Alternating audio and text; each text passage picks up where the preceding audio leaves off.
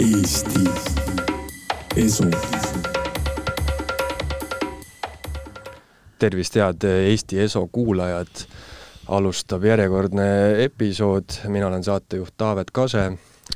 ja mina olen Alar Tamming. ja tere, Alar. külas on mul Alar, keda soovitas üks töökaaslane siis ma uurisin ka ise natuke lähemalt ja Alariga seostub äh, selline märksõna nagu ayahuasca. Äh, inimestele, kes ei ole sellest mitte midagi kuulnud või on äh, kuulnud sellest nii palju, et see on mingisugune Brasiilia šamaanide võlujook, siis äkki, Alar, selgitad, millega on tegu? võib-olla ma alustaks hästi natukene kaugemalt, et kuna minu üks niisugune huviala on olnud psühholoogia ja mingil hetkel ma alus, asusin õppima Tartu Ülikooli psühholoogia erialale ja sel ajal ma sain sellise väga, ühel koolitusel väga sügava niisuguse kogemuse, kus kogu maailm oli paigas, niisuguse nii-öelda erakordse kogemuse, nagu poolmüstilise kogemuse, ja ma hakkasin seda teemat nagu uurima, et mis asi see on. ja tänu sellele uurimisele sattusin ma kokku ühe taanlasega, kes tegeles inimese ajulainete mõõtmisega, kuna ajus on elektrilised protsessid ja ma nägin tema juures nagu erinevates ajuseisundites nii-öelda ajukaarte. Ja kuna ma olen hästi ratsionaalne inimene, noh, minu jaoks niisugused nii-öelda piltlikult ained ja asjad olid nagu välistatud, siis ma nägin ära, mis eh, teadmata, mis tähendab sõna ayahuasca, mismoodi ayahuasca ajal inimese aju tüves ja limbilises süsteemis nii-öelda tunnetega ja ajukoores olevad ajulained kõik sünkroniseerusid ja nii-öelda tema seletas seda nii, et see on siis nii-öelda selline tippseisund, kus inimesel kogu teadvuses olev informatsioon jõuab ajukoorde. Ja sealt tekkis mul selle teema vastu hästi sügav huvi, tahtsin sellel teemal nii-öelda ayahuasca uurimisena ajulainetena uurimiseks isegi nii-öelda magistritööks võtta ja selleks oli juba kokku lepitud Brasiiliasse lennupiletid ja isegi nii-öelda seadmed, mis pidid Taanist tulema ja pidime mõõtma ayahuasca ajal ajulaineid, ise seda mitte kunagi olnud proovimata, teades ainult teoreetiliselt, nii-öelda intellektuaalselt saades aru, et see peaks olema kasulik. noh, küsimus oli ka selles näiteks, et taanlane tutvustas mulle nii-öelda seda, kes seda, kui ta oli varem seda nagu mõõtnud, kes seda aju, seda ayahuasca seanssi läbi viis ja see oli Brasiilias narkootikumide vastase võitlemise osakonna juht nii et noh, minu jaoks nad siis nagu eraldusid ära, et nad ei ole nagu narkootikumid, kuigi sinnamaani igasugused ained tundusid nii-öelda hirmutavad. nii et ühel hetkel ma siis plaanisin minna Brasiiliasse, kuna see taanlane, kellega oli plaan teha see uuring, jäi haigeks, aga mul olid lennupiletid olemas, siis ma ikka otsustasin, et noh, kuna muutunud teaduse seisundid ja need kõrgemad seisundid mulle huvi pakuvad, et ma siis lendan sinna Brasiiliasse kohale, see oli siis aastal kaks tuhat kuus ja ikkagi proovin selle joogi ära, et mis asi see siis on, et šamaanide imejook. ja nii see asi nagu alguse sai. aga mis see ayahuasca endast kujutab, ayahuasca kujutab endast piltlikult sellist nii-öelda teetõmmist kahest taimest, mis kasvavad täiesti eri aladel Brasiilias üks on siis niisugune nii-öelda puukoor ja teine on sealt siis ka niisugune nagu puulehed. ja need pannakse kokku ja keedetakse kuus tundi. Ja siis tuleb selline mõrkjas jook välja. Ja asja mõte on selles, et üks nendest taimedest sisaldab diimetüültrüptamiini, mille nimi on siis DMT, mis on klassikaliselt, loetakse nii-öelda keelatud aineks, on keelatud ainete nimekirjas, samas nii-öelda on seda ainet ka meie oma inimkehas, seda on enamus taimedes, seda on avastatud ka kosmoses, nii et noh, on nagu keelatud on inimkehas olev aine, ja teine aine on siis see, mis takistab meil seda lagundamast, sest kui me DMT-d nii-öelda teena sisse joome, siis meie magu lagundab ta kohe ära ja ta ei lähe meie organismis laiali. aga kui siis nii-öelda see aine, mis nii-öelda takistab, inhibiitor lisaks panna, siis ta läbib aju-vere barjääri ja jõuab meie äh, aiu ja samas nii-öelda ka meie kopsudes on teda, kus ta nagu aiu jõuab teatavatel hetkedel nii-öelda surmalähedastes kogemustes ja siis ta tekitab sellise nii-öelda teistsuguseid seisundeid, mille kohta võib öelda, et noh, natuke jah, nad lähevad sellisesse müstika valdkonda mm. -hmm. see DMT on, äh, ja sa ütlesid, et äh, täitsa jabur, et on keelatud aine, mida me ise toodame ja, ja nii palju, kui ma tean, siis DMT-d toodab meie käbikeha, mis ajus asub siis siin kolmanda silma kohal ja seda toodetakse siis, kui me näeme näiteks iga öö und. Siin on nüüd nagu, teadlased nagu ei ole veel kinnitanud seda, et üks asi on küll kindel, et DMT-d meie kehas kõige rohkem on kopsudes.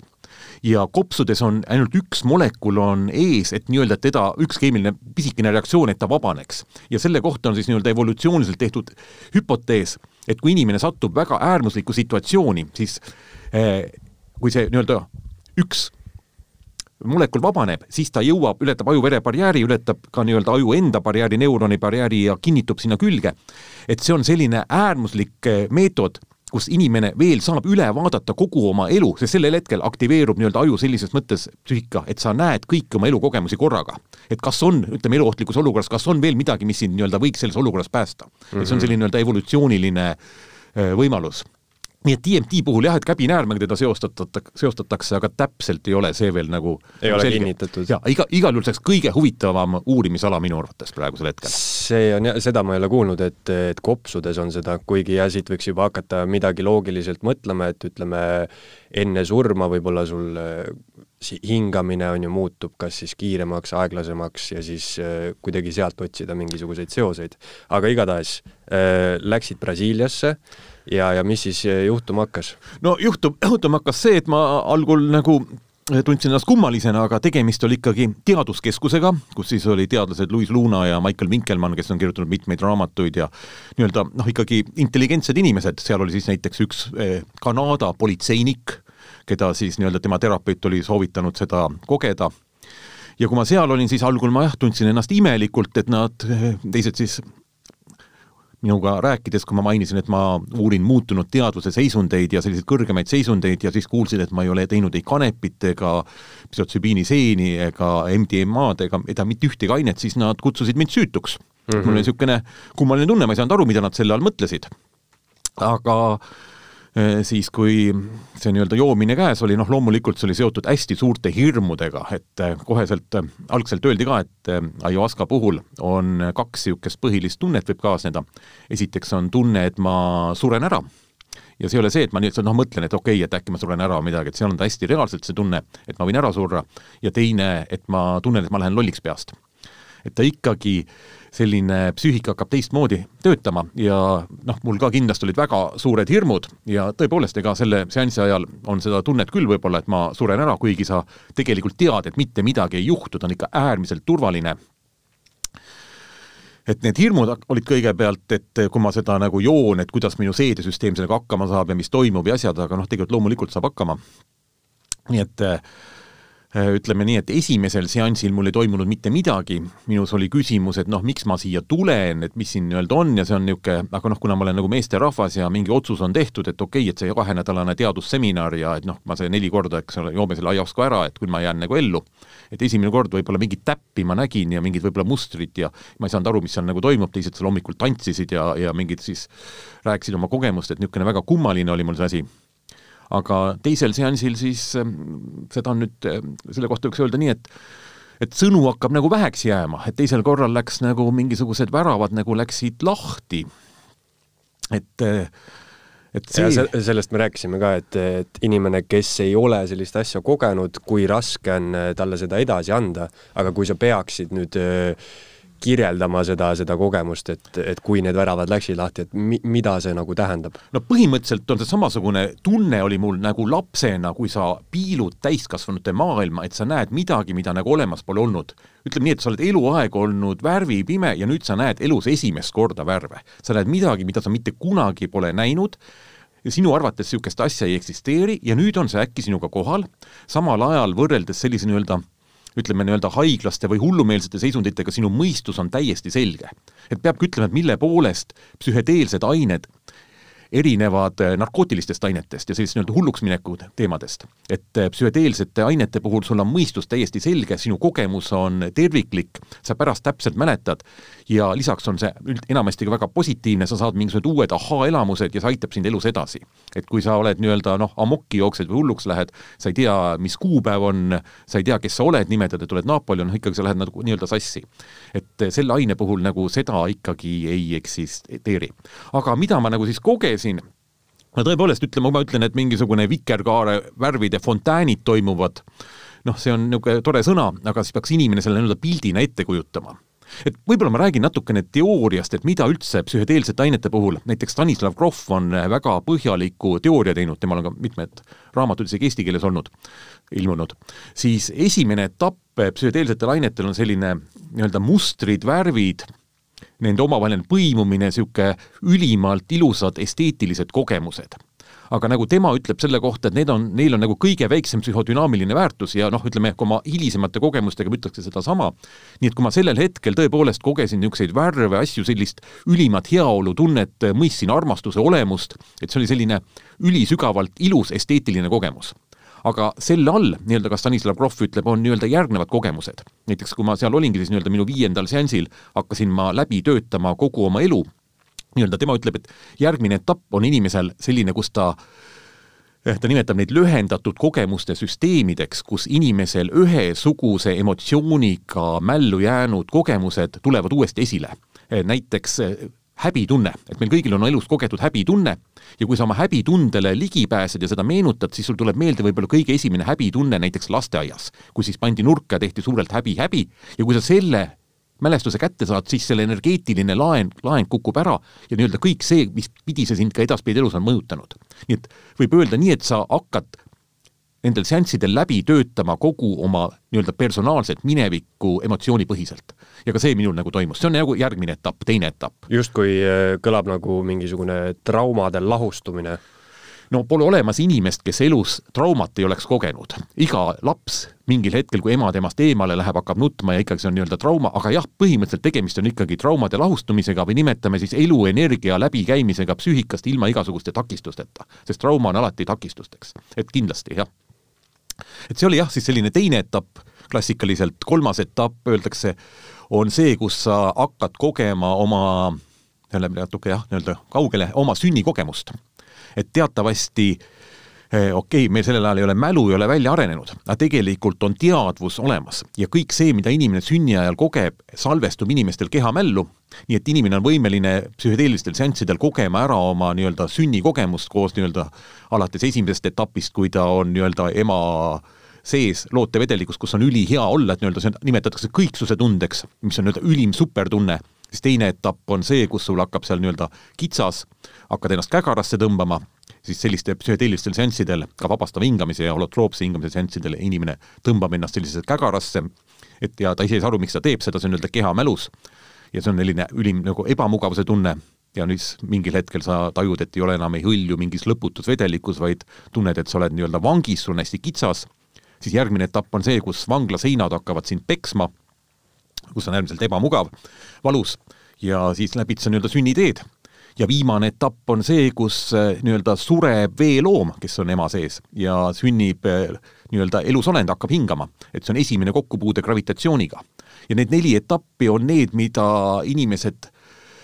erinevatel seanssidel on ka kogenud, nad võtavad ka vastavaid looteasendeid, et noh, see tegelikult võib tunduda hirmutav, aga kui inimene nagu ära läbib, siis on see sünnikogemus integreeritud ja psüühika on terviklikum. ja ma isiklikult nagu pigem usun seda Stanislav Grofi teooriat, olles seda ka mingil määral kogenud, mitte küll täielikult nii ja etapid on ka erinevalt, aga jah, klassikalises psühholoogias on ta selline nii-öelda natukene veel praegusel hetkel nii-öelda tabuteema ja kui see neljas etapp või kolm, nii-öelda see sünnikogemus on ka integreeritud, noh siis pidi asi täiesti käest ära minema, et siis sa hakkad niisuguseid nii-öelda kosmilisi dimensioone tajuma ja ja võib-olla eelnevaid elusid ja, ja teisi inimesi ja teisi eluvorme ja ja et see läheb siis natukene sellisesse nii-öelda müstikasse. Üks teema jah, mis äh, väga tihti tuleb äh, psühhedeelsete ainetega just äh, nii-öelda sellest räägitakse palju, on see, et, et siis sa justkui saad aru, et sa ei ole indiviid, vaid sa oled üks osa kõigest. jaa, täiesti selgelt, tähendab, et noh, need kogemused on see, et me oleme nii-öelda osa millestki suuremast, et me ei ole siin üksinda ja, ja see osa kindlasti laieneb ka loodusele et tavaliselt on see, et ikkagi noh, umbes, et meie oleme siin, loodus on midagi eraldi, räägime sellest looduse kasutamisest, või nagu see hiljuti kuuldud lause eh, filmis Social Dilemma, mis mind väga puudutas, et meie ühiskond on siis praegu selline, kus eh, nii-öelda maha võetud surnud puu on rohkem väärt kui elus puu ja tapetud vaal on rohkem väärt kui elus vaal et tegelikult me oleme nendega kõigist osa ja selline nii-öelda see ühtsuse tunne tekib nii-öelda psühhedeelsete ainete kogemuste puhul. et klassikaliselt on jah, see kuidagi nagu stigmatiseeritud, nad on ära keelatud lihtsalt räägin mõne sõnaga nii-öelda nagu ka ajaloost, et selline muutunud teaduse seisundite soov on inimestel olnud alates sellest hetkest, kui nad ratsionaalse mõtlemise välja kujundasid. et see on nagu kõikides ühiskondades siiamaani on kasutatud erinevaid meetodeid muutunud teaduse seisunditesse minekuks, ma mõtlen just nii-öelda positiivsetesse seisunditesse minekuks. ja meie ühiskond praegusel hetkel tolereerib ainult kahte meetodit, see on nii-öelda alkohol ja tubakas. no alkohol on muidugi ülim mürk, et iga kümne sekundi taga sureb nii-öelda maailmas inimene, et alko-, alkoholi tarbimise tagajärjel, nii et seda ei saa kindlasti õigeks pidada aga kui me näiteks võtame seal nii-öelda vanas, vanas Kreekas, siis olid ju Elüüsiuse müsteeriumid, kus neli päeva said inimesed kokku kaks tuhat inimest ja nad tarvitasid mingit jooki, mille kohta on pakutud, et see on kas psühhotsübiini seened või LSD derivaadid ja seal osalesid absoluutselt kõik tolleaegsed tipud. seal Sofokles, Platon, Aristoteles, Aleksander Suur, nii-öelda Cicero, nii et põhimõtteliselt kõik tolleaegsed filosoofilised tipud nii et äh, võib arvata, et midagi seal nagu kogeti, rääkimata siis sellest, et äh, indiaanlastel on siis olnud see nii-öelda peyote kaktus, Aafrikas on iboga taim ja see, noh, see soov on kogu aeg olnud, nii et äh, ja viikingitel on vist mingisugused seenepeod. ja seenepeod ja siis ka Siberis on seened ja, ja et, et see on nagu jäänud meil, jäeti meil nii-öelda kahekümnendal sajandil koos selle keemilise nii-öelda paradigmaga kõrvale, aga tunnistame nüüd ausalt, et kui nagu avatult maailma vaadata, siis õnneks on praegusel hetkel väga palju teadusuuringuid ja puudub selline nii-öelda vastaspool, kes tahaks nii-öelda seda nagu ära hävitada õnneks. nii-öelda Ameerikas on siis psühhotsübiini ehk seente uuringud jõudnud eh, sinna etappi, kus Ameerika see FDA või see Terviseravimiamet, kes neid lubab, on tunnistanud selle läbimurdeteraapiaks Eh, mis tähendab, et psühhotsübiini seente puhul on eh, võimalik obsessiivsest, näiteks kompulsiivsest häirest ja depressioonist inimene vabaneda, mis nii-öelda teiste nii-öelda ravimite mõjul ei ole võimalik. ja ka Sam paljudest eh, sõltuvustest, eks ju. ja, ja sõltuvusest samamoodi. ja aiaoskat on, kasutatakse nii-öelda alkoholisõltuvusest ravimiseks mm. -hmm. ja MDMA on siis noh, posttraumaatilise stressiraviks, et noh, MDMA klassikaline termin on ekstasi, mis tekitab nii-öelda vanemal põlvkonnal nagu hirmu. Aga noh, et, et, et ta, et äkki on ebaturvaline või midagi. mingi klubidroog. no selle klubi kohta Eh, ühel niimoodi seminaril küsiti, et noh, et kas see on nagu ka ohutu ja siis nagu see nii-öelda teadlane vastas, et see on loomulikult absoluutselt ohutu, et Inglismaal iga nädalavahetus viimased kümme aastat kasutab seda kaks miljonit inimest hmm.. et, eh, et no ja sealt, sealt tekibki eh, paljudel inimestel selline noh, kivisse raiutud arusaam, et, et kõik need on narkootikumid ja, ja samas on ju kõik tabletid, asjad, mis välja kirjutatakse, et need on justkui ravimid. Aga, aga noh, ütleme selline jook nagu ajahuaska, see, kõik need kogemused, äh, asjad, mis on kirjutatud selle kohta, ikkagi sellest räägitakse kui ravimist jaa, absoluutselt. tähendab, siin tuleks ära eristada, et narkootikumid on pandud patta kõikvõimalikud ained, noh, mitte ükski heroiini tarvitaja ei ütle, et ta tegeleks millegi vaimsega. et on olemas ained, mis tarvitades annavad ka sulle mingisuguse meeldiva teoreetilise kogemuse, sest noh, heroiini võttes on inimene sellises vastsündinu hõljuvas teadvuses, kus tal võib olla väga meeldiv. aga need ained muutuvad ainevahetuse osaks ja muutuvad sõltuv-, tekitavad sõltuvust. aga ja ayahuasca, psühhotsübiini seened, äh, iboga,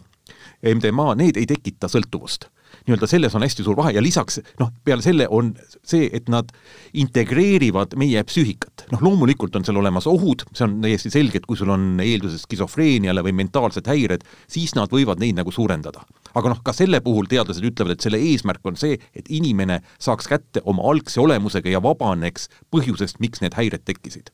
ja psühhoaktiivsed ained, sinna läheb ka kanep, eks ju, alla. et mina, mina olen just äh, kunagi ma mõtlesin sellise, sellise võrdluse välja, et, et kui me kujutame ette suurt muruvälja ja iga päev me käime seal muruväljal, siis on, on ju teatud rajad, teatud jalarajad, mis on sisse kulunud ja kui me nüüd võrdleme enda aju, siis on teatud mõttemustrid, mida sa iga päev mõtled ja mis on niimoodi sisse kulunud.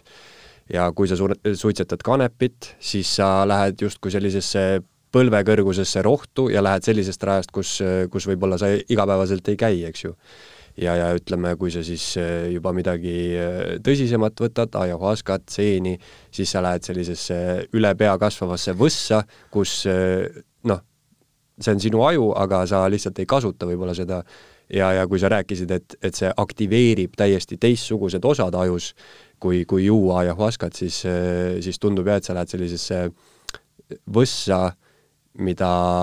see on kõik nagu sinus olemas, aga justkui sa ei kasuta seda lihtsalt igapäevaselt. et selline potentsiaali, potentsiaali nagu märksõna on sellel juures jaa, täpselt nii, tähendab, et noh, on ju, psühholoogid on isegi öelnud, et inimesel üheksakümmend viis protsenti meie igapäevastest mõtetest on needsamad, mis me eelmine päev, nii et me kordame oma mõtteid. ja siis on mingi termin default network, et meil on ajus selline kindel närvineuronite jadade järjestus, mida me kogu aeg kasutame, noh, kus on siis pärit ka meie foobiad ja hirmud ja kõik need asjad, siis eh, tõesti, ainete puhul suureneb aju plastilisus. Ehk hakkavad aju need osad omavahel suhtlema, kes muidu ei suhtle, et on tehtud ju uuring Eh, psühhotsüviini puhul, kus on siis eh, reaalajas vaadatud, millised ajuneuronid omavahel suhtlevad, siis see ajuneuronite suhtlemine on tõesti, ütleme noh, mitmeid ja mitmeid kordi omavahel suurem. Et sa, sinu aju hakkab töötama nagu superkompuuter ja loomulikult, kui sul on nii-öelda see superkompuuter, siis on võimalik ka nii-öelda parandada need vead ära, et eh, muuta oma nii-öelda uskumuste süsteeme, näha maailma teise nurga alt et äh, minul on selle koha pealt nagu usk nende, ütleme, terapeutilisse kasutamisse, sest tõepoolest noh, Ameerikas on praegu ju kümned ja kümned uuringud. Need uuringud olid kuni kahe tuhande kuuenda aastani olid tabud. Ja siis tuli esimene uuring psühhotsübiini kohta, eh, mis näitas, et ta võib pakkuda müstilist kogemust. Ma mäletan isegi Eesti ajakirjanduses seda refereeriti ja hästi ettevaatlikult, et et noh, ärme nüüd kohe nagu torma järeldusi tegema, aga peale seda on tulnud tuhandeid artikleid praegusel hetkel, et kõik, kes seda teemat nagu uurivad, on saanud noh, ütleme siis poliitiliselt korrektne lause oleks, et palju lubavad tulemused on selle kohta jah, see, kui nüüd mõelda sellele, mida siis inimene kogeb selliste psühhedeelsete droogide all, siis noh, samamoodi väga levinud arusaam on see, et see on narkootikum, see ei ole päris, see on äh, hallutsinatsioon, see on kõik äh, ühesõnaga, see tuleb kuskilt, noh, see ei ole päris. aga, aga mulle tundub, et just kõik inimesed, kes seda tarbivad, räägivad eh, mingis mõttes ühte juttu, et kõigil on muidugi väga isiklik eh, kogemus sellega, kes on tarbinud, aga sellised mingid universaalsed mustrid näiteks hakkavad ilmuma, sellised eh, fraktaalmandalad ja, ja mis iganes, et mulle tundub, et see kuidagi lükkab natuke seda ümber, et see ei ole päris, sest see on, see on kõikide kuidagi jagatud asi ja, ja kas see siis on päris, no tähendab, et ikkagi need kogemused on äh, sarnased ja pigem on küsimus selles, et äh, noh, siin võib võtta igasugused teooria aluseks, et noh, kui me võtame aluseks mingi budistliku teooria, mis ütleb, et äh, kui inimene tahab esim-, ühe eluga valgustuda, siis pole võimalik, et sellest kulub tuhandeid elusid, et võib-olla ongi nii, et ütleme nendele kogemusteni, mis seal nagu jõutakse, selleks on vaja võib-olla mitu korda uuesti sündida. noh, ma ei ütle, et see niisugune asi on, on nüüd õige teooria või mitte, eks. et et noh, no minu, minu kogemus ütleks pigem seda, et eh, nii nagu, nii nagu kui me näiteks sporti teeme, siis me kasutame hantleid ja näiteks kasutame mingisuguseid abivahendeid, et enda keha arendada, siis samamoodi oma psüühika ja oma teadvuse arendamiseks abivahendite kasutamises ma ei näe, et oleks midagi nagu valet. et see on täpselt, ja see on nagu looduse poolt on nad nagu tekkinud, nad on olemas, et sellel on olemas mingisugune ikkagi, ma nimetaksin, otstarve. nii et äh, alati on ka võimalik ise järgi vaadata, et eh, kuidas see, kuidas ta nagu mõjub, et eh, et erinevalt noh, ütleme, ma arvan, et ikkagi küsimus on nii-öelda ühiskonnas, et alkohol on praegu heaks kiidetud ja ained on siis nii-öelda hukka mõistetud. et selle, selles on küsimus, aga kui nagu tõesti puhtalt ratsionaalselt, loogiliselt vaadata, siis alkohol on mürgine kehale psühhotsübiini puhul ei ole psühhotsübiini surmasid, ei ole aiaoska surmasid. no MDMA puhul on võimalik nii-öelda mingid üledoosid ja asjad. et juba loogiline ratsionaalne mõistus näitab seda, et tegelikkuses tuleks nagu ühiskonnas teha mingisugune muutus selles suunas, et psühhotsübiini puhul vist pidi sööma ära, ma ei tea, neli kilogrammi seeni, et siis on sul võimalik nagu ära surra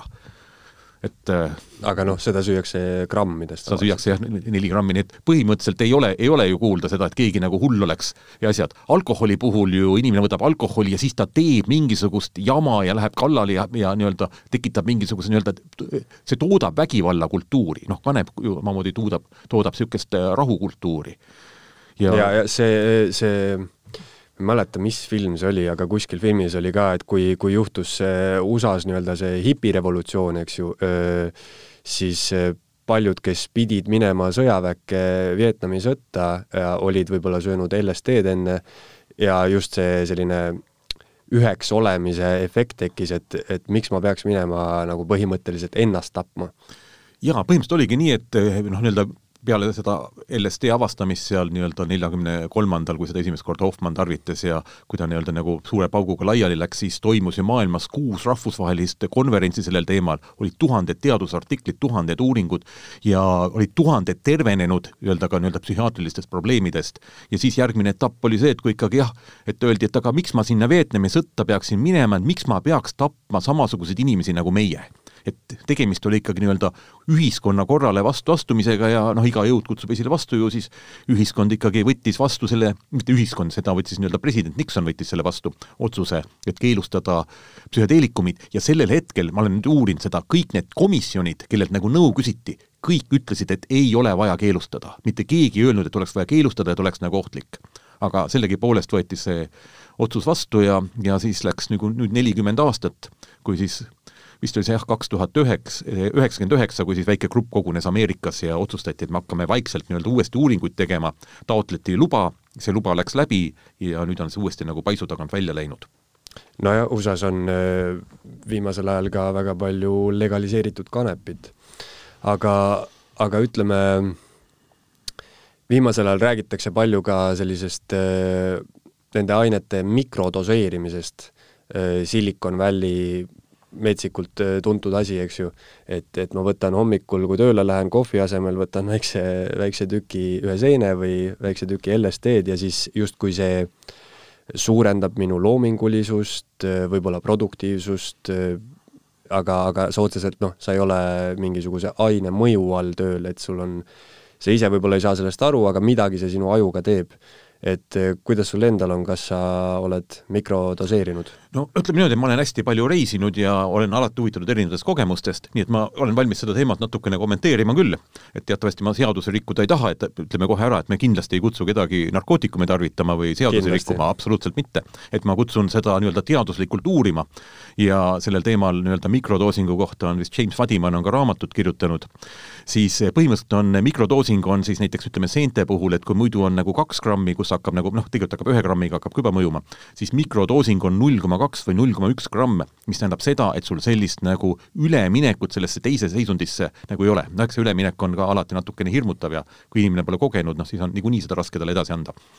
aga jah, null koma kaks kuni null koma üks grammi, nii et sa ei tunne nagu mitte midagi, aga mida sa tajud, on see, et ükskõik, mida sa teed, on sinu kohalolu absoluutselt täielik. et sinu toimimine on parem ja, ja tunduvalt edukam, et kui ma olen nagu kunagi äh, nii-öelda reisidel käinud, siis ma mingil hetkel isegi proovisin ja ma vaatasin, minu nii-öelda nagu kirjutamisoskus kindlasti oli parem ja sõnastamisoskus läheb paremaks. nii et eh, see on muidugi loomulikult Silicon Valley's eh, avalik saladus, et kogu see nii-öelda IT-maailm ja asjad on arenenud eh, väga paljuski tänu psühhedeelikumidele. või kas või seesama praegusel hetkel, eks ole, koroonaviiruse puhul tehakse seda testi, mis on see PCR mingisugune test, mida on siis minu arust see Murris oli, oli selle, kes selle leiutas ja tema oli ju noh, LSD tarvitamise all oli saanud selle ahaa-elamuse, et kuidas nii-öelda seda pikendada, seda DNA jada või noh, mingisugune test on seal olemas. nii et siin on neid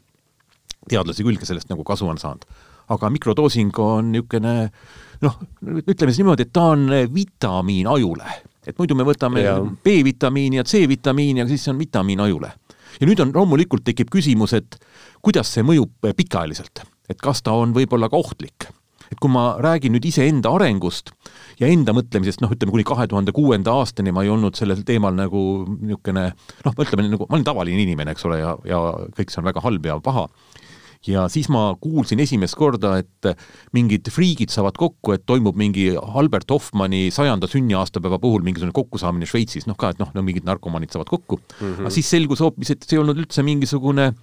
sajanda sünniaastapäeva puhul kokkusaamine, vaid tal oli sajas sünnipäev ja selle puhul tehti rahvusvaheline konverents. ja kaks aastat hiljem, kaks tuhat kaheksa, ma käisin ka ise tema sellel konverentsil ja ta oli ise ka samamoodi seal kohal. nii et ta oli hästi selge terava mõistuse juures ja nagu ta ütles, et ta on šokeeritud sellest ja pettunud, et tema suurepärane avastus on pandud valitsusse poolt kalevi alla ja ükskord ma olen ka ühe psühholoogiga sellel teemal rääkinud, et kuidas see võib nagu mõjuda, tähendab, on olemas äh, hüpotees, et ayahuascal ja nendel teistel ainetel on anti-aging efekt, vananemisvastane efekt ja sellel on ka oma põhjus, sest teatavasti sellel ajal hakkad sa töötama läbi oma alateadvust, oma teadvuses olevat, jah, ütleme nii-öelda puhastama seda ja teatavasti on areng see, kui sa tood teadvuse selle, mis on nii-öelda alateadvuses ja kui sa selle ära puhastad, siis ütleme, need infarktid ja suremised ja asjad, mis nagu varases eas võivad aset leida, siis ikkagi jäävad olemata ja no siis... ja sellest äh, räägitakse hästi palju, et äh, kui sa mingisugust äh, traumat hoiad enda sees, siis ta lõpuks hakkabki kasvama, kasvama ja lõpuks võib-olla kasvabki vähiks. absoluutselt ja noh, tegelikult see nii ongi, jaa ja siis ma ühe niisuguse psühholoogiga rääkisin, et noh, et kuidas võib nagu nii-öelda mõtlemisele mõjuda ja siis tema ütles, et tema teab ühte meest, kes on praegu üle kaheksakümne aasta vana ja kes oli seal viiekümnendatel aastatel kuskil Ameerikas ka uuringutel ja tegi LSD-d ja ütles, et ta on oma eakaaslastest tunduvalt noorem, tunduvalt teravam ja absoluutselt selge mõistusega. Et eh, no see, see näitab eh, mingis mõttes noh, sellised eh, näited näitavad pikaajalise kasutamise on ju positiivset mõju pigem. jaa, pika, jaa, absoluutselt kindlasti, et ikkagi minu sõber Luis Luna, kes on siis brasiillane, ligi seitsekümmend, on ikkagi kakskümmend aastat noorem. noh, ütleme kohe ära, et ayahuasca puhul on siis ka see, et see on ka kehaliselt teataval hulgal ebameeldiv, et see ei muutu kunagi selliseks biotroogiks, sellepärast et sa sellel ajal oksendad ja ka pakutakse välja, et sel ajal sa nii-öelda oksendad elavhõbedat ja kogu seda organismis olevaid mürke välja. ja pigem ma nagu ikkagi usuks seda teooriat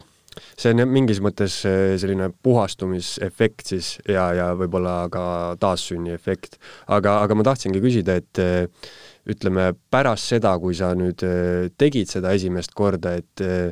et kuidas nagu pärast seda elu edasi läks, et kas midagi muutus, kuidas sa kasutasid neid teadmisi või asju,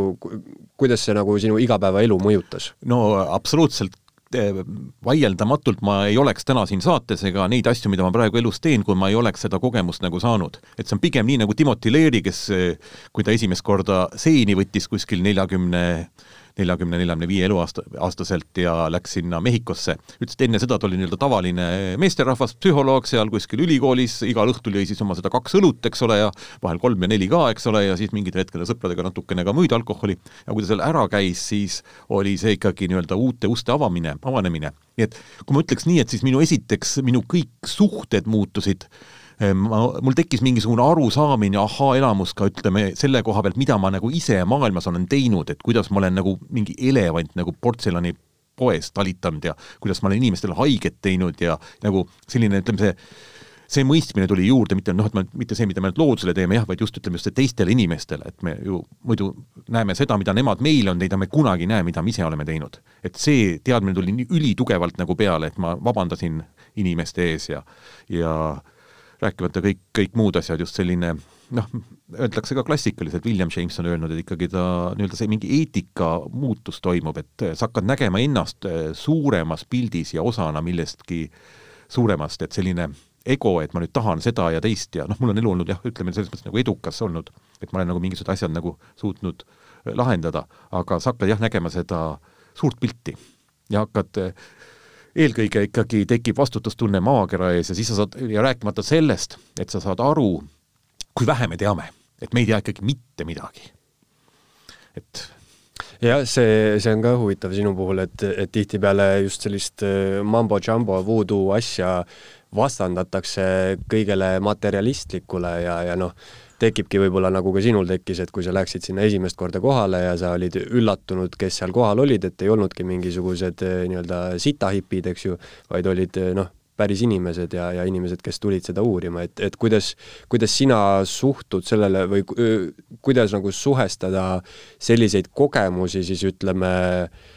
igapäevase materialistliku eduga, kas need on noh, täiesti vastandlikud või, või see pigem aitab, neid annab integreerida? no ütleme niimoodi, et igapäevase eluga, et kui sa näiteks inimene on eluaeg tegelenud võib-olla pangas mingisugune nii-öelda olnud osakonna juhataja, kui ta seal ära käinud, siis ta võib jälle avastada, et ta on lapsest saati tahtnud olla kunstnik ja hakkab maalima ja ta on endaga palju rohkem rahul ja õnnelikum. et selline nii-öelda iseenda teadlikkus, tähendab, selles seisundis sa näed iseennast, sa vaatad endale otsa ja muidu me võime igasuguseid kaitsemehhanisme ja mõtelda ja õigustada ennast ja leida, leida seal igasuguseid nii-öelda noh, põhjendusi, siis sellel hetkel sul nagu seda võimalust ei ole, et sa pead ennast vaatama nii, nagu sa oled. ja nii nagu noh, alguselt ega, ega see vaatamine algselt ikkagi väga meeldiv, väga ei, meeldiv ei ole. ma olen ka mõelnud sellele, et see on justkui selles seisundis sa vaatad alasti peeglisse ja sa ei saa, sa ei saa sellest peeglist mööda vaadata, mida igapäevaselt võib-olla sa saad, eks ju. jah, ja ikkagi selline nii-öelda alateadvus tuleb sulle ikkagi teadvusesse, sa näed seda, mida sa oled kõrvale tõrjunud ja mida sa oled teinud. aga muidugi ma tahaks ühe asja ka nagu rõhutada, et kindlasti on kahte sorti kuulajaid, ühed, kes on nii-öelda midagi kogenud, kes siis praegu nagu ütleme, tajuvad niisugust nagu samastumist ja kes saavad nii-öelda ahaa-elamusi ja siis on teised, kes, kes nagu ütlevad, et see on jama, noh, tõenäoliselt ei ole siis üldse siiamaani kuulanudki võib-olla, ja siis on võib-olla kolmandad, kes mõtlevad ise kunagi nagu midagi proovida, siis mida sa näinud kindlasti üht, ütled ühte asja, et kui satutakse nagu ayahuascat jooma, eriti meesterahval, naisterahval on võib-olla lihtsam, on esimene asi, mis peaks endal nagu paika panema, et ma osalen kindlasti kahel õhtul. sellepärast, et meestel on see psüühika kaitsemehhanismid niivõrd tugevad, et esimesel õhtul sa tõenäoliselt mitte midagi ei koge. ma tean päris mitut meesterahvast, kellel ongi just nagu teisel, teisel õhtul on siis nii-öelda toimunud see läbimurre ja, ja noh, rääkimata sellest, et läbimurre on ka pärast ka tööalases elus, et on nii-öelda, inimene on alkohoolik olnud ja peale seda on nii-öelda tarvitamist, on praeguses hetkes ühiskonnas leidnud oma positsiooni ja, ja, ja hoopis, hoopis teine koht on toimunud, nii et on vabanenud alkoholisõltuvusest. ja oluline on siis selle asja juures selline set and settings, tähendab, et sa teeksid seda asja eh, mingisuguses nii-öelda ütleme nii, et kui sa lähed džunglisse, seal on tõesti, ütleme, üle pea rohi, et hea on, kui sul on olemas keegi juht et seda peaks tegema nii-öelda grupilises settingus, kus siis on olemas inimesed, kes seda nii-öelda valdavad, eriti on tseremoniaalne setting või eriti ideaalne on, ütleme, Peruu ja Brasiilias, ütleme, aiaoska puhul šamaanide juures seda teha et see ei ole selline jook, mida ma nüüd koos sõpradega saunalaval teen või kuskil. ja siis loomulikult ka häälestatus, et eh, kõigepealt peaks ütlema ikkagi know-how, et võimalikult palju antud teema kohta lugema ja aru saama, mis asi see on. et see ei ole lihtsalt, et ma lähen ja, lähen ja proovin. et kui sa noh, ongi, et seal oleneb see, et sa e, pead olema ka välja panema mingi taotluse, et miks sa seda teed. et see ei ole lihtsalt selline asi, et ma nüüd lähen vaatan nagu kino, et noh, et et taotlus on muidugi väga lihtne, et kuidas muuta ennast paremaks inimeseks. et minu arust see võiks olla üldse üks elu, elu niisuguseid alustalasid, et mitte see, et kuidas me suurendame enda valduses olevate varade hulka, vaid kuidas me muudame ennast nii-öelda armastavamaks, paremaks, heaks inimeseks jah, see ütleme, kui sa niisama sinna lähed ja nagu sa enne ka rääkisid nendest etappidest, siis jah, tihtipeale võib-olla ütleme, see esimene etapp või mustrid või, või selline, mis sa visuaalselt hakkad nägema, see on justkui show, mida sa saad jälgida, aga see mingit aega kestab ja siis kui sul ei ole mingit taotlust või noh, sa oled sinna niimoodi niisama proovima läinud, siis karistatakse justkui ära, sind tuuakse kohe maa peale tagasi. jaa, tegemist on ikkagi isiksuse arenguga ja, ja noh, ütleme, kui ma olen nagu kuskil käinud, siis põhimõtteliselt soovitatakse nagu kolm sellist taotlust, no seda võib ka kõigi meditatsiooni ja kõigi muude asjade puhul ka kasutada. et esimene võimalus on tegeleda oma minevikuga võtta minevikust oma tõeline draakon, tähendab see, mida sa mäletad, mingi sündmus, mida sa kellelegi ei taha nagu rääkida ja mida sa mäletad võib-olla isegi nii-öelda minutilise täpsusega kõike, mis on nagu toimunud ja seda nagu vaadata ja integreerida see enda psüühikasse. Teine võimalus on tegeleda olevikuga, et mis on tõesti, ütleme, praegu need tööalased väljakutsed, kuidas edasi liikuda, mida teha, eks, et selline nii-öelda a la siin ja praegu. ja kolmas asi on siis tegeleda tulevikuga ja selle kohta öeldakse, et äh, inimese elus on kaks väga olulist päeva. et esimene päev on, et kui ta sünnib ja teine siis, kui ta saab teada, miks.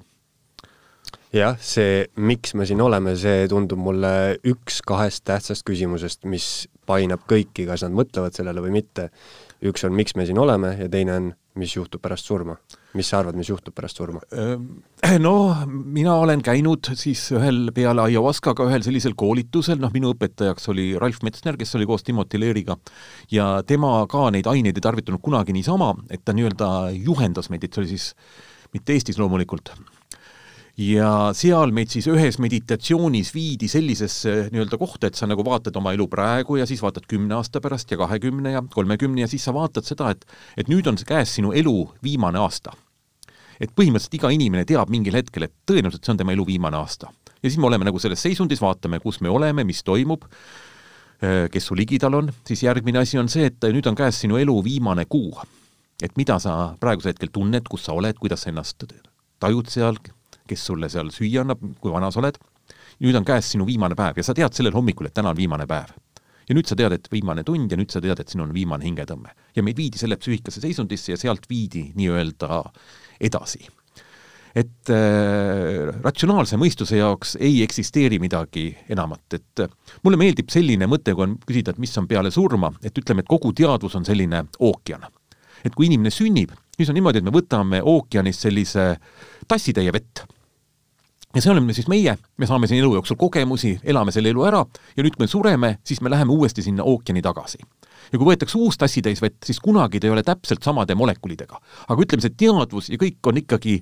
eksisteerib, et noh, küsimus on see, kas teadvus eksisteerib meie peas või on teadvus ühenduses millegi nii-öelda nimetame siis Akashi kroonikad või mingisuguse nii-öelda kõrgema või nii-öelda mingi kõrgema teadvusega. et kust tulevad need instinktid ja sellised nii-öelda mingisugused ahhaelamused ja, ja noh, neid on ju noh, üldiselt võib öelda nii et, et kuuekümnel protsendil inimestest on elu jooksul kogemused, mis ühelgi juhul ei lähe materiaalse paradigma alla ja neid teemasid oleks vaja nagu uurida. noh, Rupert Sheldrake, kelle raamatu me välja andsime, räägib siis morfogeneetilistest väljadest ja sellisest nii-öelda noh, kunagi kui eksisteerinud elektri, elektrivälja ja raadiot, siis tundus ka nii-öelda võimatu, et on võimalik eh, siin rääkida ja teine maailma teises otsas kuuleb. nii et mina ütleks, et siin on see teema, mida peaks nagu uurima ja siin kannatab hästi palju nagu edasi minna nojah, sellepärast me siin seda saadet ka teeme, et äh, alguses oli mul selle saate kirjelduseks äh, kõik, mida ei ole võimalik kogeda viie meelega. aga selline ühtne teadvus või ütleme jah, kui, kui siis uskuda seda, et on mingi kõrgem teadvus ja, ja nagu sa rääkisid ka enda kogemusest, et sul tuli, väga palju tuli sellist mõistmist, et sa oled haiget teinud kellelegi teisele ja sellised eetikaküsimused, ütleme, ja, ja ma ei nimetaks seda vandenõuteooriaks, aga räägitakse ka sellest, et kui eh, sündisid nii-öelda kümme käsku, siis kuidas need ikkagi täpselt sündisid, et eh, kas oli see, mis, mis see oli, mis Aafrikas oli see, see põõsas, põlev põõsas oli. ja, ja, ja et, et kas see oli tegelikult psühhedeelne droog ja, ja siis tulid need kümme käsku, millest eh, kõik saavad tegelikult aru, et ära tee teisele seda, mida sa ei taha, et sinule tehakse, sest me oleme üks, eks ju. aga jah, seal tihtipeale ma olen ise mõelnud sellele, et eh, meil on hästi selline eh, dualistlik maailm, eh, mina, teised, liitlased, vaenlased, must-valge, üles-alla, pluss-miinus, ja justkui selliste kogemuste käigus see muutub üheks. et kumb maailmamuster neist õige on? No see on nüüd ülisuper küsimus, et äh, minu üks niisuguseid lemmikuid on William James, kes ütles, et temal on väga palju magamata öid, sellepärast et kas maailm on üks tervik või maailm koosneb nii-öelda paljudest osadest. et, et kui ta üliõpilastel seda rääkis, ütles, et ega teil vist väga palju nagu magamata öid ei olegi, aga see on põhimõtteline küsimus. mina ikkagi ütleks, et põhimõtteliselt on kõik, on üks tervik, mis on omal ajal jagunenud, et see ongi selline nii-öelda, nii-öelda ühest küljest on ta duaalne, aga tõepoolest, psühhedeelsete ainete all on võimalik kogeda seda tervikut. noh, loomulikult nii-öelda vastaspool ütleb, et sellel ajal lülitatakse ajust välja need osad, mis võrdlevad ja mis tegevad loogikaga ja järeldustega, aga vaieldamatult on sellised nii-öelda müstiline kogemus, muide ütleks, et müstilist kogemust peetakse inimkogemuse kõige kõrgemaks tipuks et seda on ju nüüd siis noh, ütleme William James ja Maurice Pükk ja et on ju välja pakutud, kes on elus nagu seda müstilist kogemust kogenud, et kui see Maurice Pükk üheksateistkümnendal sajandil uuris seda, siis ta ütles, et võib-olla, et seda on ainult mingi kümme-viisteist inimest kogenud, et ta ütles, et noh, Buda koges seda, Jeesus, siis ta ütles, et ka Balzac on seda kogenud, siis oli Plotinos, need ütleme, kristlikud eh, eh, nii-öelda filosoofid, Augustinus, et need on need, kes nagu tõesti tajuvad seda ja on suutnud sellega Balzac, mitte Balzac, vaid see Pascal, et need, kes, mhm. kes suudavad sellega nii-öelda sõnadesse panna, et see on kõige võimsam kogemus, aga kui sa ise seda nagu kogenud ei ole ja ainult loed või ütleme, see nii-öelda minu jutt, et noh, see ei ole seesama, et noh, mina, ma võiksin ju teile rääkida praegu eh, nii-öelda duuriani maitsest, ma ei tea, kas on kindlasti mõni kuula, kuulaja maitsnud seda, see on siis Bali saarel olev üks äh, puuvili, tuurian, mis on täiesti košmaarse maitsega, aga ükskõik, kuidas ma seda maitset püüaksin teile edasi anda, seda ei ole võimalik edasi anda. seda on võimalik ainult kogeda. et me saame edasi anda sõnu, mõtteid ja mõttekäike, me ei suuda isegi edasi anda pilte. et me võime nagu nii-öelda oma une nagu vaadata ja selle, ka selle edasiandmine on äärmiselt keeruline. et sama raskus tekib ka psühhedeelsete ainete ja psühhedeelsete kogemuste puhul, et see on niivõrd tugevalt individuaalne. see on tõsi ja seda muidugi metsikult proovitakse igatpidi edasi anda. ma olen äh, ise ka mõelnud sellele, et mis võiks olla selline selline märksõna, millega inimene, kes ei ole kunagi midagi kogenud, äh, oskaks suhestuda ma ise olen mõelnud, et äh, seda on ka muidugi hästi raske ette kujutada, aga üks asi, äh, mis justkui lülitatakse täiesti välja äh, sellistes seisundites, on ajataju ja, ja kui sa igapäevaselt toimid, mässad, sa oled kogu aeg oma lineaarses nii-öelda ajatajus, mis kell on, see võtab mul viis minutit, siia läheb kaks tundi, et see justkui on selline tagafoon, on see aja, aja lineaarne jooksmine, aga see justkui lõigatakse minu arust ära ja see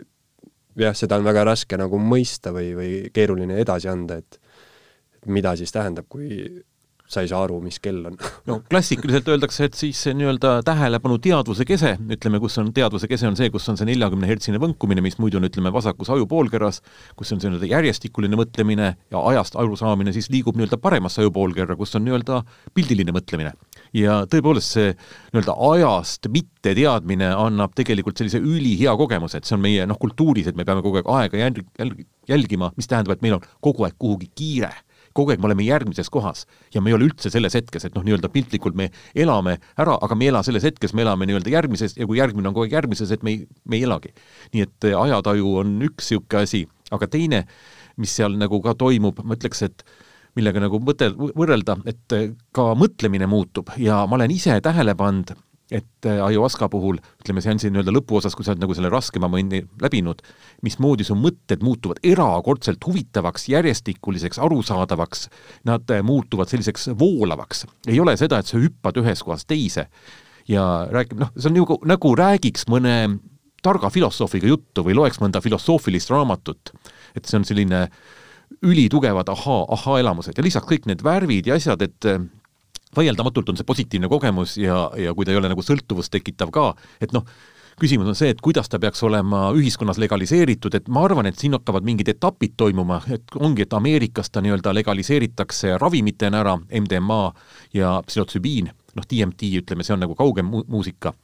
ja kui nad nii-öelda ravimitena ära legaliseeritud, noh siis on ju näha, et mismoodi ta nagu paljudele nii-öelda abiks on olnud. et see ühiskond nagu võtab vastu selle, ta aktsepteerib, et tõesti ravimina võib ja siis järgmine etapp on, et antakse siis sellistele, nimetame võib-olla, noh praegu isegi on ayahuasca kirik, eks ole, olemas Brasiilias, on olemas ka Ameerikas, on olemas peyote kirik, et järgmised on sellised nii-öelda usulistel eesmärkidel sakramendina ja edasi hakatakse ka võib-olla siis nii-öelda litsentse või lubadena, et nii-öelda gruppidele, võib-olla mingi muusikul on võimalik läbi viia tseremoniaalne, kus muusika mängib ja kus inimene saab sellise nii-öelda kogemuse, võib-olla nõutakse, et eelnevalt oleks vastav kogemus all, et äh, selline äh, kuidas see legaliseerimine täpselt toimub, on raske öelda, aga kui rääkida seda ikkagi, et kümme tuhat aastat on tarvitatud psühhedeelseid aineid nii-öelda sotsiaalsetel eesmärkidel, kultuurilistel eesmärkidel ja nüüd see viimane sadakond aastat eh, noh, noh, on ju teada, et eh, seda peotet tarvitasid ju Alexander Dumas ja Victor Hugo ja kõik need nii-öelda Prantsuse äh, prantsuse kirjanikud, sest üheksateistkümnendal sajandil jõudis ta siis nii-öelda sinna Prantsusmaale, nii et on, mina isiklikult arvan, et siis see hakkab nii-öelda vaikselt tagasi tulema ja kultuur pöördub sellisesse nii-öelda mõistmisse ja arenguetappi tagasi. no ja ajalises mõttes on see tegelikult ainult sekund, mis on siin keelatud olnud, et, et see ilmselt kuhugi ei kao ja, ja natuke läheb aega, et see nagu tagasi tuleks, aga see on selline asi jah, mis kuhugi ei kao kunagi äh, üks sõber küsis mu käest, et mis sa teeks, kui sa oleks Ameerika president, siis äh, ma ütlesin, et mina teeks äh, keskkooli lõpueksamiks teeks ühe LSD tripi kohustuslikuks ja siis oleks võib-olla täiesti teistsugune ühiskond. ja vot siin ongi, et nagu päris kohustuslikuks ei saa, sest siis sa teed hirmununa, et sa pead tegelikult nagu ütleme, sul on, soovitav on ikkagi positiivne ootus mm. -hmm. et need katsed, mida Ameerikas oli ju ebaeetilised katsed, see MK Ultra viiekümne kolmandal aastal alustati, anti ühele CIA töötajale, pandi siis nii-öelda tee sisse LSD-d, et vaadata, mis juhtub, ja oligi konkreetne juhus, kus ta siis jõi ära selle ja sõi ja siis läks üles oma kabinetti kuskil kõrghoones, tegi akna lahti, hüppas alla mm. -hmm. tähendab, et see oli nagu tõesti noh, see on hiljem nagu nii-öelda failidena nagu välja tulnud, et äh, aga siis oli tegu sellega, et ta ei teadnud, ta ei teadnud jah, ja, ja, ja, ja ta ei teadnud ja, ja tähendab, et kui inimene ei tea, sest ega sinu mõtlemine, teadvus jääb ju alles, tähendab, keegi ei võta sult midagi ära, tegelikult tuleb sul midagi juurde. vot või veel parem, ma toon ühe sellise võrdluse, milline see kogemus on. et kui ma praegu siin nagu räägin, eks ole, minu ees on mikrofon, kuulaja seda küll ei näe, aga ma võin näiteks vaadata mikrofonile ja viia oma teaduse mikrofonile või siis mikrofoni värvile või siis äh, nii-öelda oma vastasrääkijale või siis ütleme seinale, et minu nii-öelda teadvus nagu liigub mingisuguste objektide vahel. ma võin ka meenutada oma lapsepõlvekogemust või mõnda suhtekogemust või mõnda valukogemust, et mul on, nad on suhteliselt ligidal, et ma saan seda teadvust sinna viia. siis psühhedeelse aine all võib öelda nii, et kui muidu on siis nii-öelda see nagu valgusvihuna, et ma viin ühele või teisele asjale oma teadvust, siis psühhedeelse aine all oled sa selles ruumis, kus kõik need sinu kogemused, mälud ja asjad on olemas ja ühe hetkega pannakse kõik tuled põlema. ja sa näed kõikide asjade omavahelisi seoseid täiesti ja ka nii-öelda vastuolusid. aga noh, mingil hetkel siis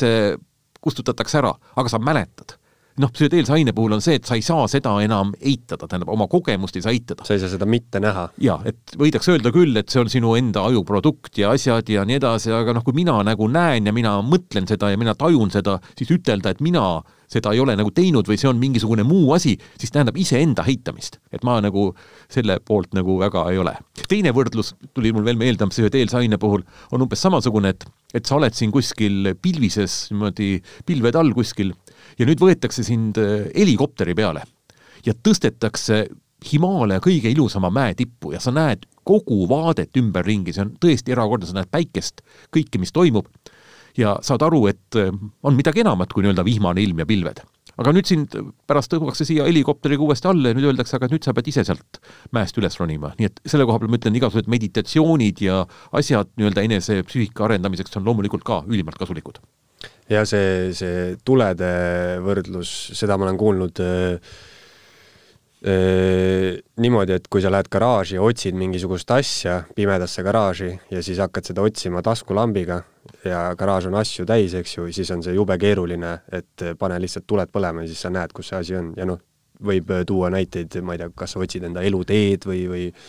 mis iganes asjadega, on ju, et justkui niisugune tuled põlema efekt on küll sellel, jah. absoluutselt, ja noh, metafoorselt on see võib-olla kõige lähedasem, aga nüüd ongi see inimene, et kui sa nagu kuulad seda näidet ja kui sa seda nagu kujutad ette ja püüad selle kätte saada, siis sa saad natuke aru. aga kui siis nagu hakata nagu mõtlema ja kui sa võtad nii-öelda selle teadusliku paradigma, sest inimesel on need mõtted, mis on ühiskonnast all, nii-öelda, nii-öelda psühhedeelsete ainete kahjulikkuse kohta, siis võib lihtsalt öelda, et ah, see on nende mingisugused rumalad näited ja asjad ja mingid võrdlused ja mis pagana tuled paned põlema. et küsimus ongi selles, et kui avatult seda nagu vaadata mm. -hmm. ja ikkagi noh, vaieldamatult peale seda kogemust sa näed teisiti, noh, klassikaliselt öeldakse ju nii, et inimesed, kes on psühhedeelseid aineid teinud,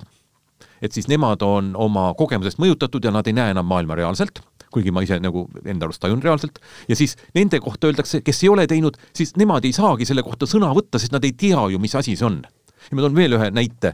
et äh, kujutame ette sellist nii-öelda hästi intelligentset, tarka, ülimalt palju lugenud tütarlast, niisugust äh, noort, ma ei tea, vanus võib-olla kuusteist, seitseteist, kaheksateist, kes ütleb, et temal ei ole kunagi vaja Äh, seksi kogeda ega orgasmi. seepärast ta teab väga täpselt, et see on nii-öelda niisugune kehaline tõmblus, aktiveerib prudentiaalnärv ja oksüdotsiini teed aktiveeruvad, juhteteed, serotoniini hulk suureneb, et ta teab väga täpselt kõike, mis sellel ajal nagu toimub. temal ei ole vaja seda nagu kogeda. ja sama asi on nii-öelda noh, psühhedeelsete ainetega, et kui sa seda nii-öelda teoreetiliselt loed ja arvad, et sul ei ole vaja kogeda, siis noh, minu arust on seesama, sest tegelikult on taga just see kogemus, mitte see, mida me selle kohta nagu mõtleme. me võime igasuguseid asju mõtelda ja väljendada, aga see on hästi kaugel sellest vahetust kogemusest. ikkagi selline noh, banaani süüa on alati parem ikkagi, kui nii-öelda banaanile mõelda, mõelda.. jah, banaanile mõelda. ja, ja, aga küsiks veel lõpetuseks seda, et äh, kuidas sul äh, selline psühhedeelsete riituste nagu praktika on, et kas, äh, kas sa teed seda iga aasta, käid kuskil, kas sa teed seda mingisuguse noh, kas sa käid nii-öelda vaatamas kardina taha? Jaa, noh, seal Brasiilias, seal teaduskeskuses ma olen praeguseks hetkeks käinud äh, kas kuus või seitse korda, et seal on niisugused kahenädalased seminarid, no nüüd nad on praeguseks hetkeks lõppenud,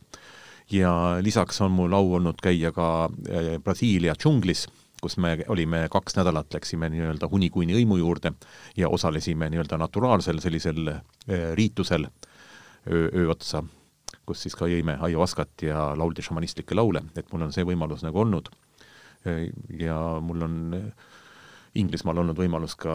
ibogat tarvitada, et eh, noh, praegusel hetkel need võimalused ei ole, aga kui nad, eh, ma olen tähele pannud, et see, ei pea neid ka nagu otsima, et nad tulevad su ette teataval hetkel, et äh, nii nagu Carlos Castaneda ütles, et iga inimese jaoks on olemas kolmkümmend kuupsentimeetrit õnne. et see kolmkümmend kuupsentimeetrit õnne on sul tavaliselt kuskil käeulatuses, aga enamasti me kätt välja ei siruta. ja mina ütlen ka niimoodi, et kui see asi niimoodi kuskile mulle nii-öelda tuleb kuskilt informatsioonina ja kõik nagu sobib ja, ja on nagu võimalik sõita kuhugi ja asjad, siis ma kindlasti nagu pigem oleks valmis nagu osalema, et see on ikkagi selline